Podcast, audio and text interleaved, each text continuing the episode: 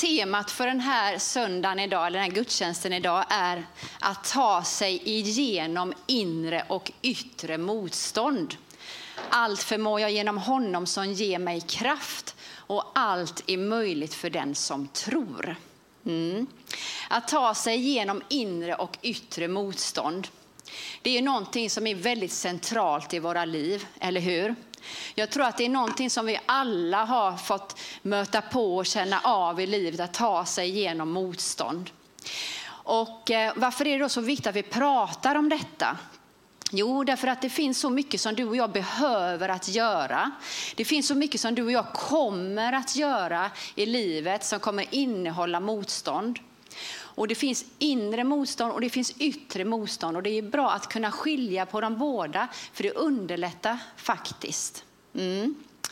Och eh, ibland så har vi föreställningen så här att är det lätt så är det rätt. Har ni tänkt så någon gång? Eller hur? Man tror ibland att när, den här, när det är lätt och när det är enkelt och när det är smidigt så är det verkligen ett tecken på att Gud är med. Eller hur? Har ni tänkt så? Jag har själv tänkt så jättemånga gånger. Och självklart så är det också ett tecken på att Gud är med. Det är ju inte frågan om det. Men Gud är ju lika mycket med när vi möter på motstånd, när vi möter på problem och när det är tufft och när det är jobbigt. Jag skulle nog vilja säga att han till och med är ännu mer med i de situationerna och i våra processer. Mm. Så därför ska vi nu börja prata om inre motstånd. Och vad innebär inre motstånd? Jo, det innebär att ni, när du och jag, när vi människor ska göra någonting som är nytt för oss, så innehåller det alltid, alltid ett visst mått av motstånd. Det kan kännas väldigt dubbelt för oss när vi ska göra väldigt många olika saker. Det kan vara så att vi ska göra någonting som är ändå väldigt roligt och väldigt glädjande, men ändå kan vi känna ett visst mått av motstånd. Det kan vara så här att börja ett nytt arbete kan kännas väldigt roligt och väldigt spännande. Men det kan också samtidigt kännas väldigt skrämmande. Eller hur? Och den här, den här eh, motståndet som vi kan känna då. Jag har träffat jättemånga människor just när jag jobbar som samtalsterapeut som har upplevt det väldigt förvirrande och, sagt, och kanske varit arga på sig själva och känt och tänkt sig, men varför kan inte jag tycka att saker och ting bara är enkelt, li, eller, eller smidigt och lätt? Liksom? Varför kan, måste jag alltid tycka att saker och ting kan kännas lite motstånd i? Jo, därför att det är någonting som vi alla känner när vi ska göra någonting nytt. Så känner vi alltid motstånd i saker och ting. Så det är inget konstigt och det är det här jag verkligen vill neutralisera eller normalisera idag. Att det är helt normalt att känna motstånd i saker och ting någonting som vi gör eller ska göra. Jag har också mött på väldigt många människor som säger så här till sig eller om sig. Eh, alla andra eh, går så starka framåt, de är inte rädda. Och de klarar så mycket saker, men inte jag. Och det här är inte sant. Men det är ju så att vi ser oss själva inifrån och med alla våra känslor och alla våra erfarenheter. Men så ser vi ju andra människor utifrån och då ser vi ju människors handlande och det de gör, eller hur? Och då är det så lätt att tro att man själv är ensam med sina känslor och det som man eh, känner på insidan. Men det är lika för oss alla att när vi ska göra någonting så känner vi ett motstånd. Och det kan vara både i smått och i stort. Om vi skulle bara fundera på det så under flera eh, gånger under en vecka, kanske flera gånger under en dag, så kan man känna motstånd. Det kan vara att man ska ringa ett telefonsamtal, det kan kännas lite motstånd i. Det kan vara att man ska in på ett möte, det kan kännas lite motstånd i. Man kanske är bjuden hem på middag exempelvis. Ja, det, man kan tycka att det här ska bli jättekul och spännande eh, och möta de här personerna. Men man kan också känna, men hur kommer det att bli? Tänk om det blir stelt? Alltså man kan känna både glädje och motstånd samtidigt. Eh, jag lyssnade på en radiointervju eh, för flera år sedan. Det var en känd person, det var en man. Nu kommer jag inte ihåg vem det här var, men det, var, det lämnade spår efter sig den intervjun. För hon som satt och intervjuade honom, han skulle nämligen hålla ett, eh, han skulle ha ett eget radioprogram. Och det här var en känd person, han var skådespelare, han var sångare, han har gjort mm, jättemånga saker i sin karriär. Jag tror han kanske var runt 60-årsåldern. Och så säger hon så här att det här kan inte vara någon big deal för dig. Du som är så världsvan och du är så van att ta folk och du är så van vid saker och ting. Och då säger han så här. Nej, nu ska jag vara riktigt ärlig här. Jag har gjort väldigt mycket i min karriär och jag har stått på barrikaderna. Men det här att leda ett radioprogram, det har jag aldrig gjort förut. Och ska jag vara ärlig så tycker jag faktiskt att det känns riktigt, riktigt jobbigt. Och hon blev så förvånad och hon sa, wow, kan du känna så? Det hade jag ingen aning om.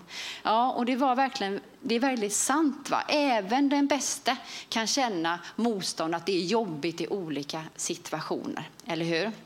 Mm.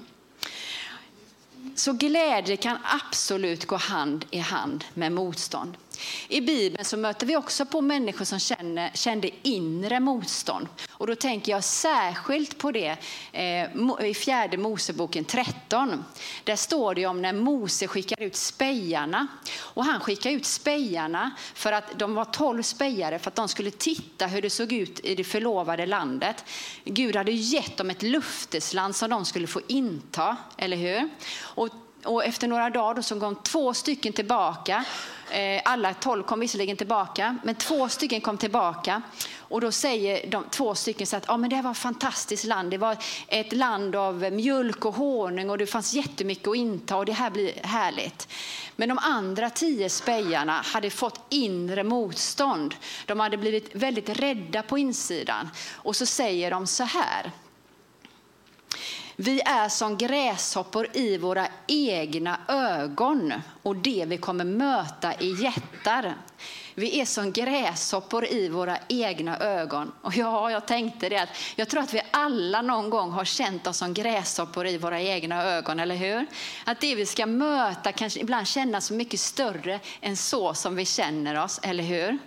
Men det här motståndet gjorde ju då att det stannade upp då. De vågade inte ta sig vidare utan allting blev ju till och med stiltje, så då hände ingenting alls.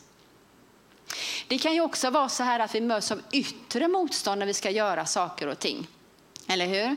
Det kan vara så här att man möts, det är någonting du kanske ska göra, du kanske har en gåva eller det är någonting som, som Gud vill att du ska göra. Och så kan du kanske möta på människor som, som lägger ut sitt eget inre, som lägger ut sin egen negativitet, som lägger ut sina egna rädslor, som egentligen pratar om sitt eget inre, som projicerar och lägger ut. Och då kan man mötas av negativa kommentarer.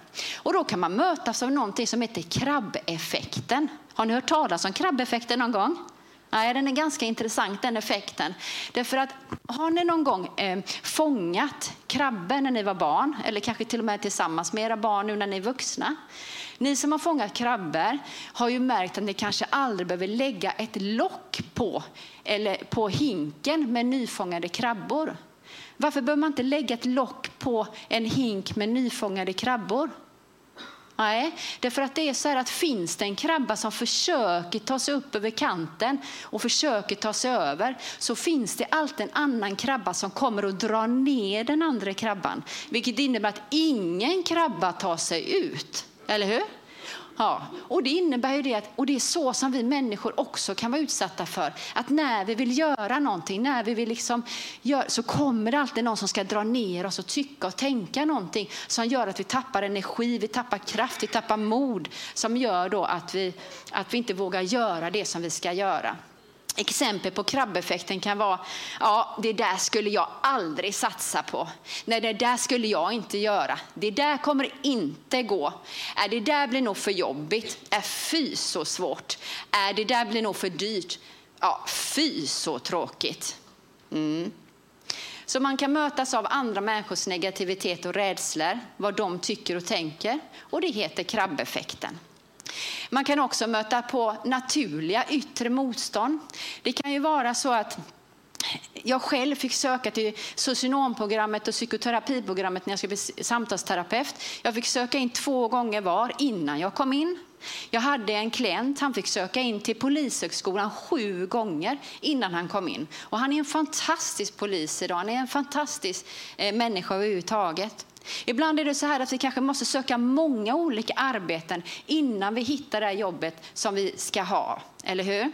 Det kan också vara så här att Eh, man kanske måste vänta till man får det här fasta jobbet innan man kan köpa den här lägenheten eller det här huset. Va? Ni förstår det här naturliga motståndet som man hela tiden måste vänta in.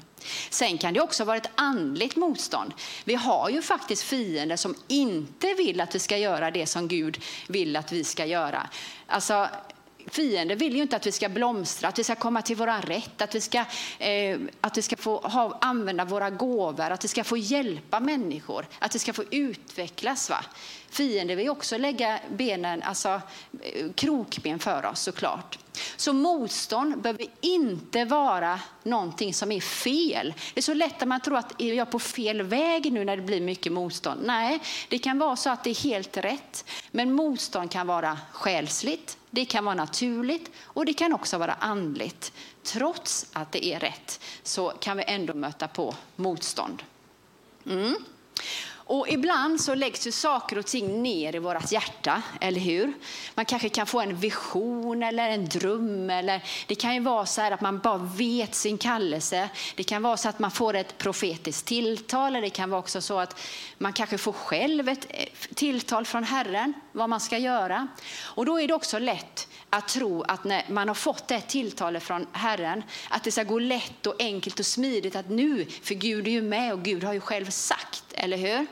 Och jag själv råkade ut för det när jag skulle starta min samtalsmottagning uppe i Umeå. Och det är detta jag tänkte ska berätta lite om för att det har verkligen varit en riktig, riktig berg och dalbana. Och nu ska jag bara berätta de, de mest tuffaste grejerna men det har varit jättetufft hela tiden för att då hade vi fått sitta här till midnatt idag.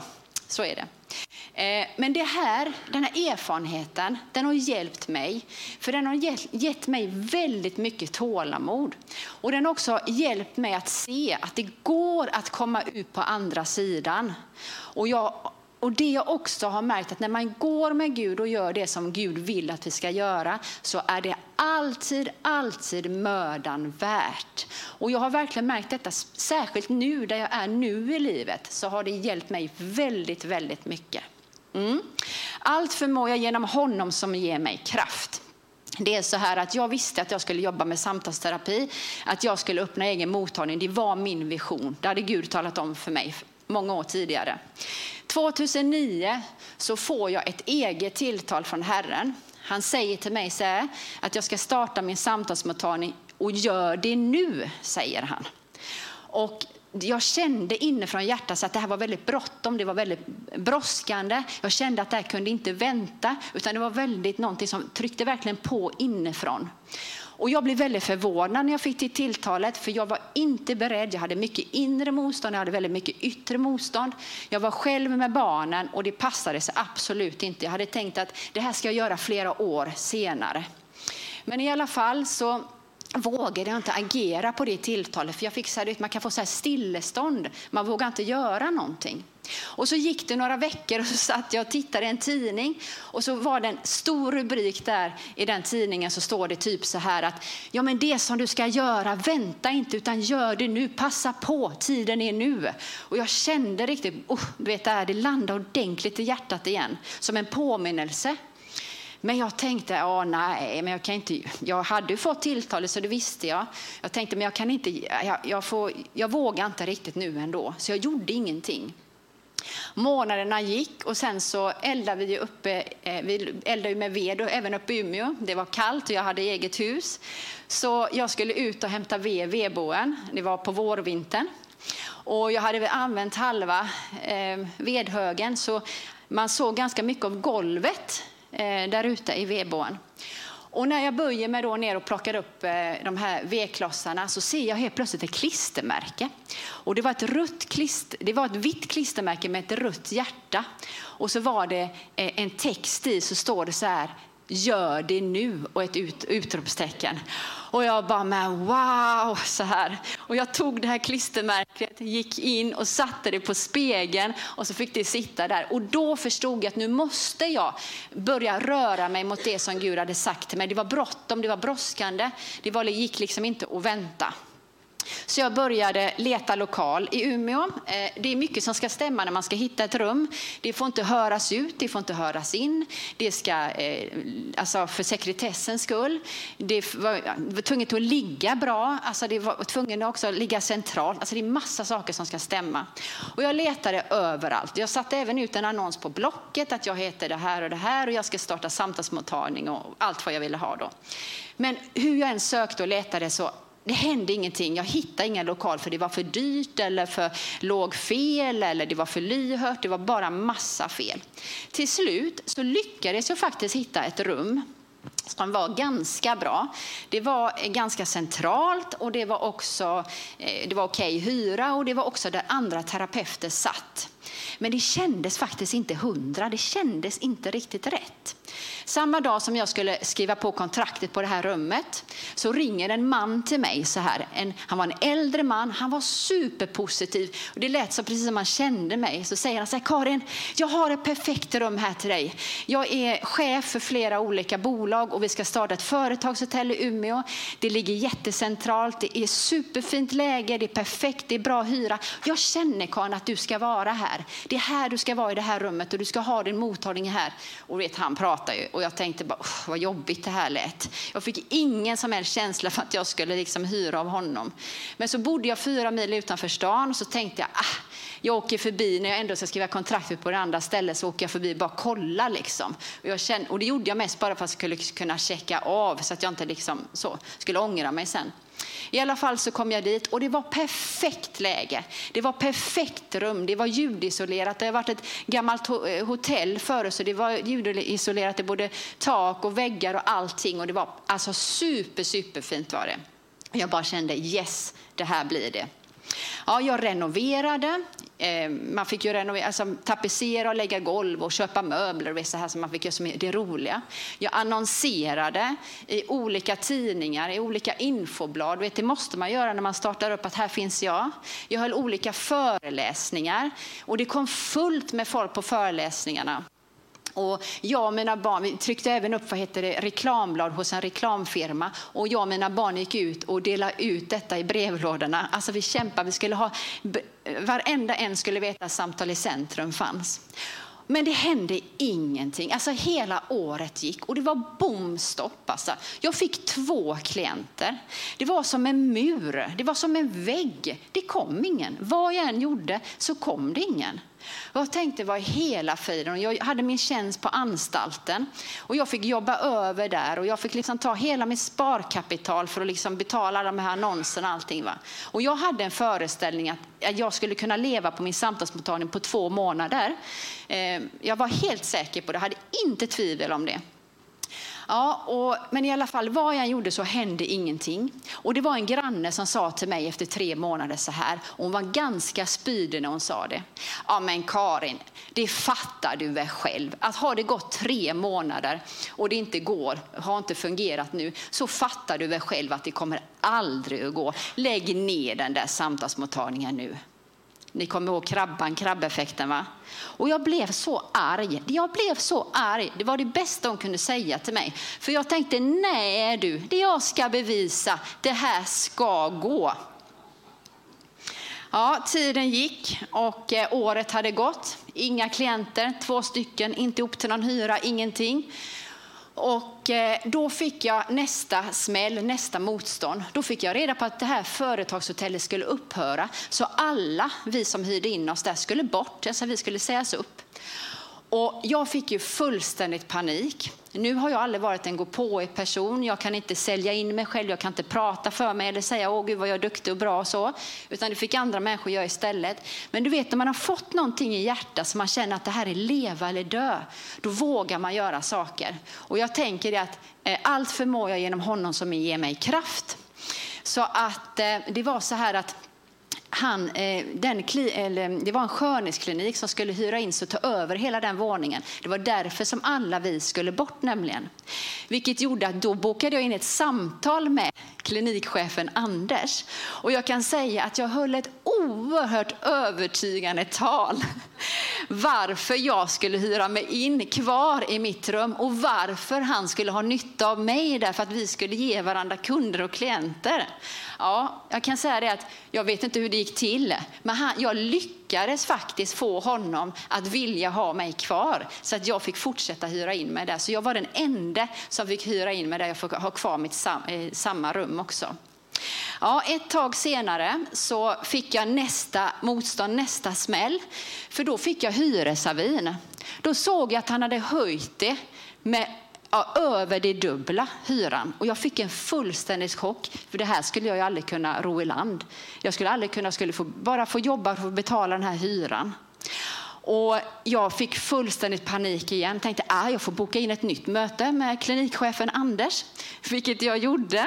Tro det eller ej, men jag fick eh, hålla ett oerhört övertygande tal varför jag skulle få vara kvar här för samma eh, summa, samma hyra som jag hade från början.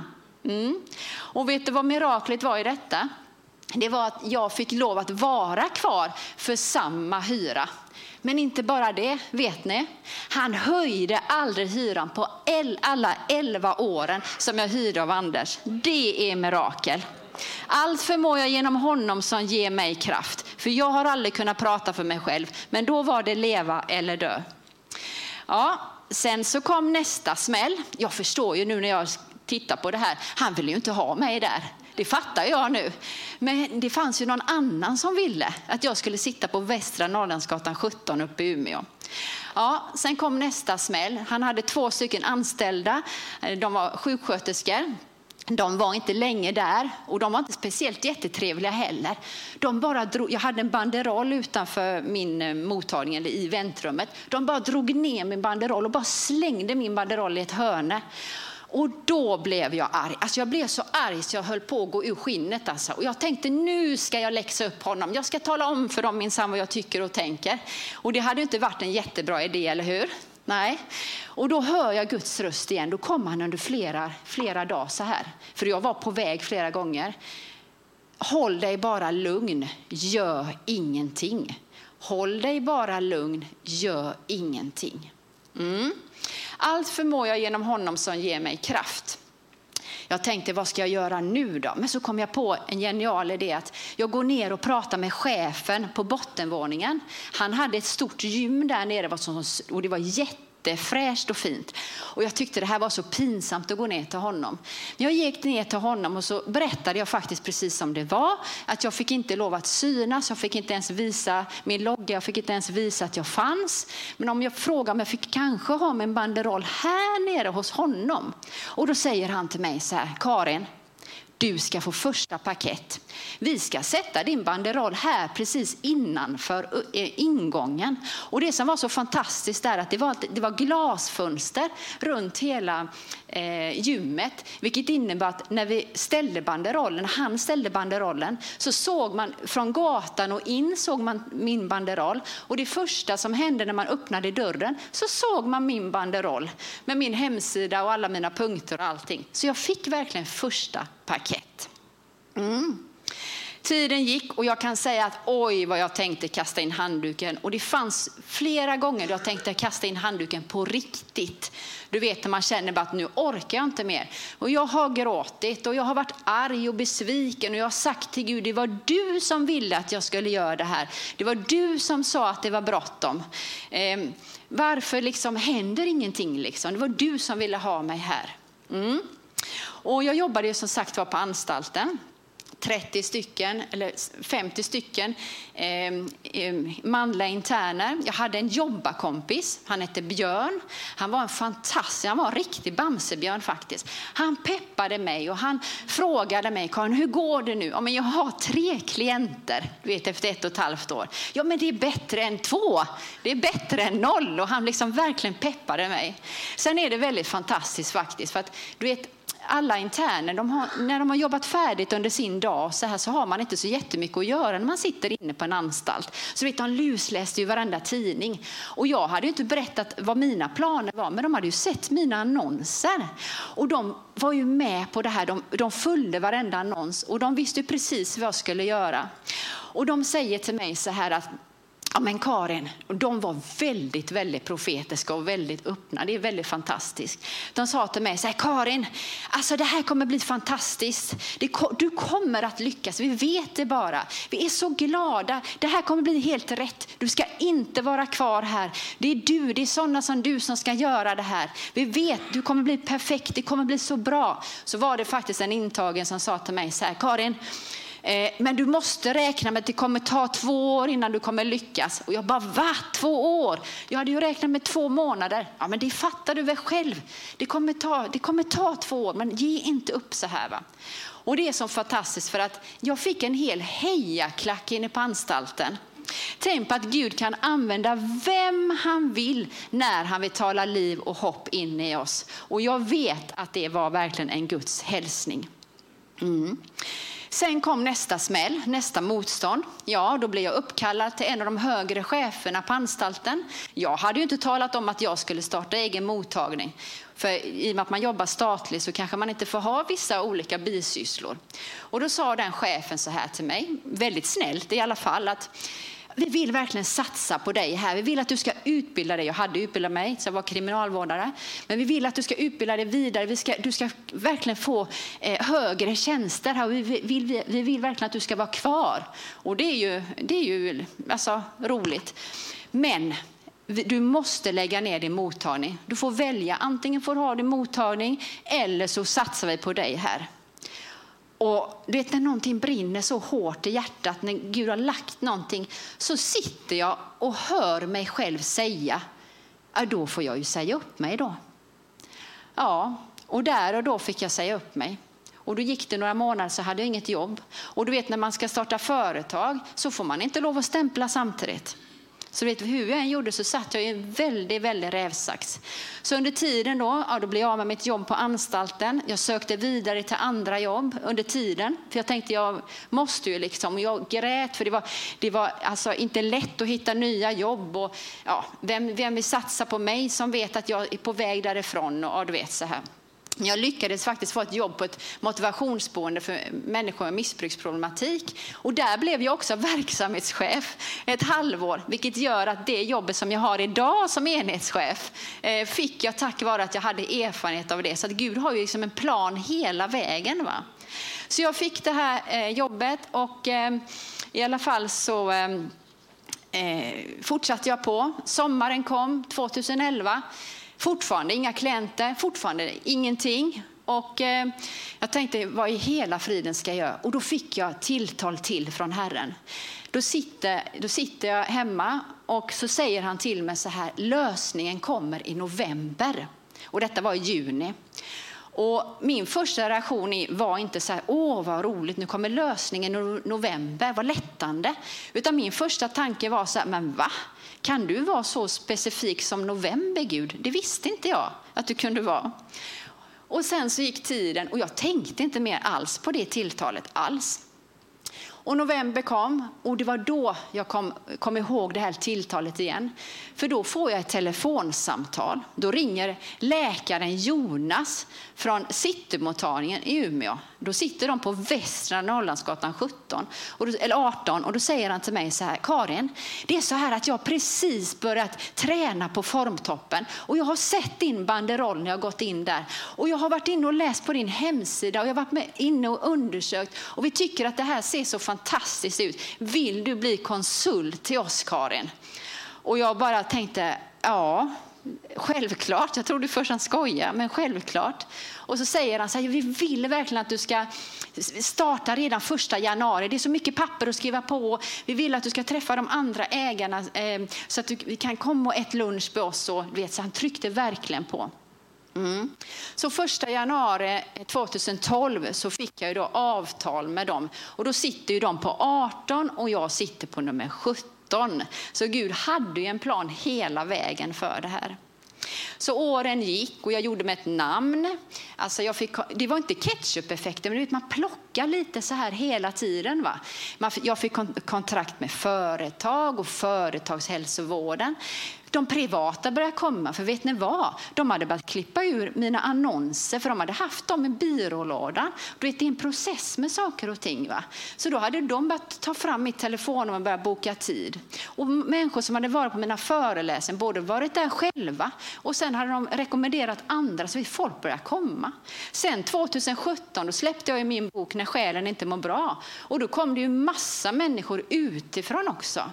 Så de sista åren när jag var eh, uppe i Umeå, då fick jag säga nej till tre till fem personer i veckan.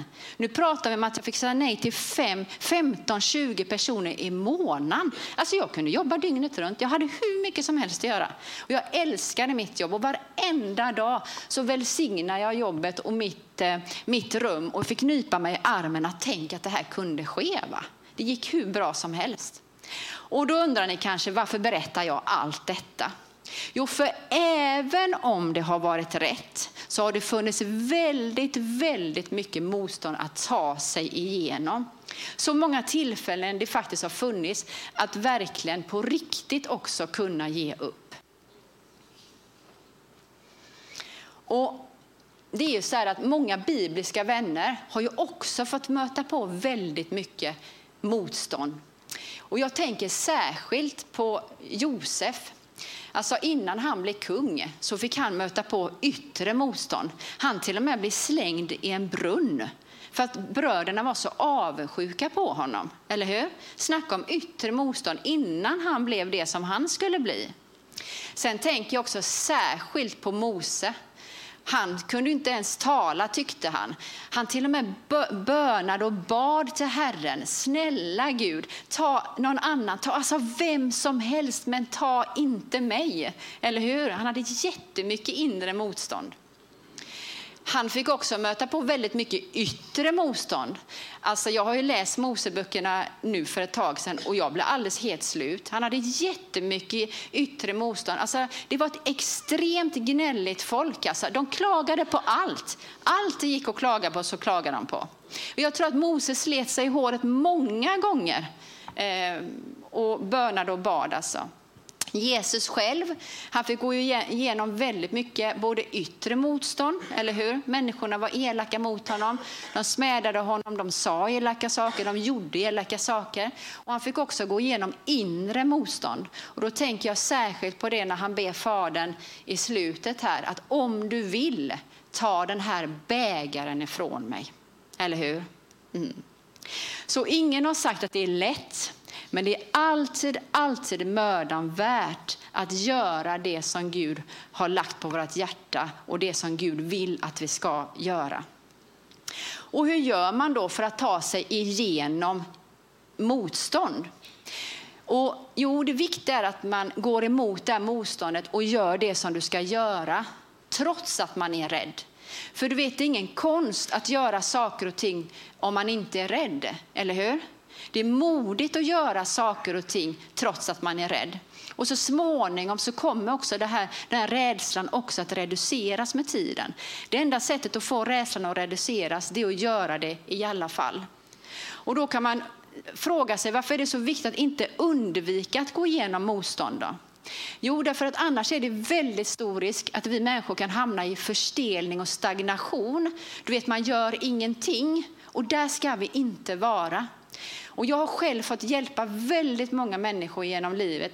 Att man får trycka på och stärka och, och, och stötta så att man får liksom igång de här hjulen så de börjar rulla igen. Va?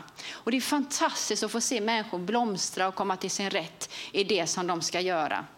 Och Gud vill ju också ta dig vidare. Han vill att du ska göra, du har gåvor som han vill att du ska utföra. Och därför är det så viktigt att vi omger oss med peppande och upplyftande människor som kan liksom stärka oss och hjälpa oss och som kan tala liv i oss. Som vi kan också människor som vi kan ringa till som kan härbärgera oss när vi tycker att saker och ting är tungt och sånt, när vi tycker saker och ting är väldigt jobbigt. Så därför är det väldigt viktigt att vi går emot det inre motståndet. Gör det du ska göra ändå, trots att det känns. Och jag kan säga att jag beundrar jättemånga människor som vågar gå emot sitt motstånd och göra saker trots att de är rädda. Och jag kan tänka mig så, det är säkert så som Gud också ser på oss. Han blir riktigt, riktigt glad i hjärtat när vi gör saker och ting trots att vi är rädda. Så gör det ändå. Undvik krabborna. Omge dig med personer som peppar, lyfter upp och som hjälper dig. Så när Gud eh, vi har visat dig vad du ska göra, då kan du också alltid lita på att Herren är med. Herren är där. Oavsett vad du ser och oavsett hur det känns. Och jag vill skicka med här nu ett bibelord direkt från Herren till dig. Herren går själv framför dig och han ska vara med dig. Han ska inte lämna dig eller överge dig. Var inte rädd eller förfärad. Han säger också som en hälsning till dig, var inte rädd för jag är med dig. Se dig inte ängsligt om, för jag är din Gud. Jag styrker dig, jag hjälper dig och jag stödjer dig med min rättfärdighets högra hand. Ja, församlingen eller församlingar i Sverige håller ju också på att gå igenom väldigt mycket motstånd. Du vet när saker och ting sinar så tvingar ju faktiskt det här motståndet oss att bli mer kreativa, bli mer påhittiga, eller hur? Hitta på idéer som gör att vi tar människor till kyrkan och att vi ska ta kyrkan ut till människorna. Och hade vi inte haft det här motståndet så kanske vi inte heller hade blivit så här kreativa. Eller hur? Då kanske vi hade gått här inne i vår egen lilla bubbla och kanske inte gjort så jättemycket mer än vad vi brukar göra. Så att det är jätteviktigt att vi fortsätter just när det gäller församling, att vi fortsätter sträva efter att göra olika projekt och idéer och vi fortsätter att hålla i och hålla ut så kommer det så småningom att bära frukt. Även om vi inte ser det just nu, det kommer att bära frukt. Och det finns en enorm vinst med att gå emot motstånd. Det gäller vårt privatliv, det gäller vårt arbetsliv och det gäller också i vårt församlingsliv. Kom ihåg att uthålligheten kan ibland vara villkoret för framgången. Uthålligheten kan ibland vara villkoret för framgången.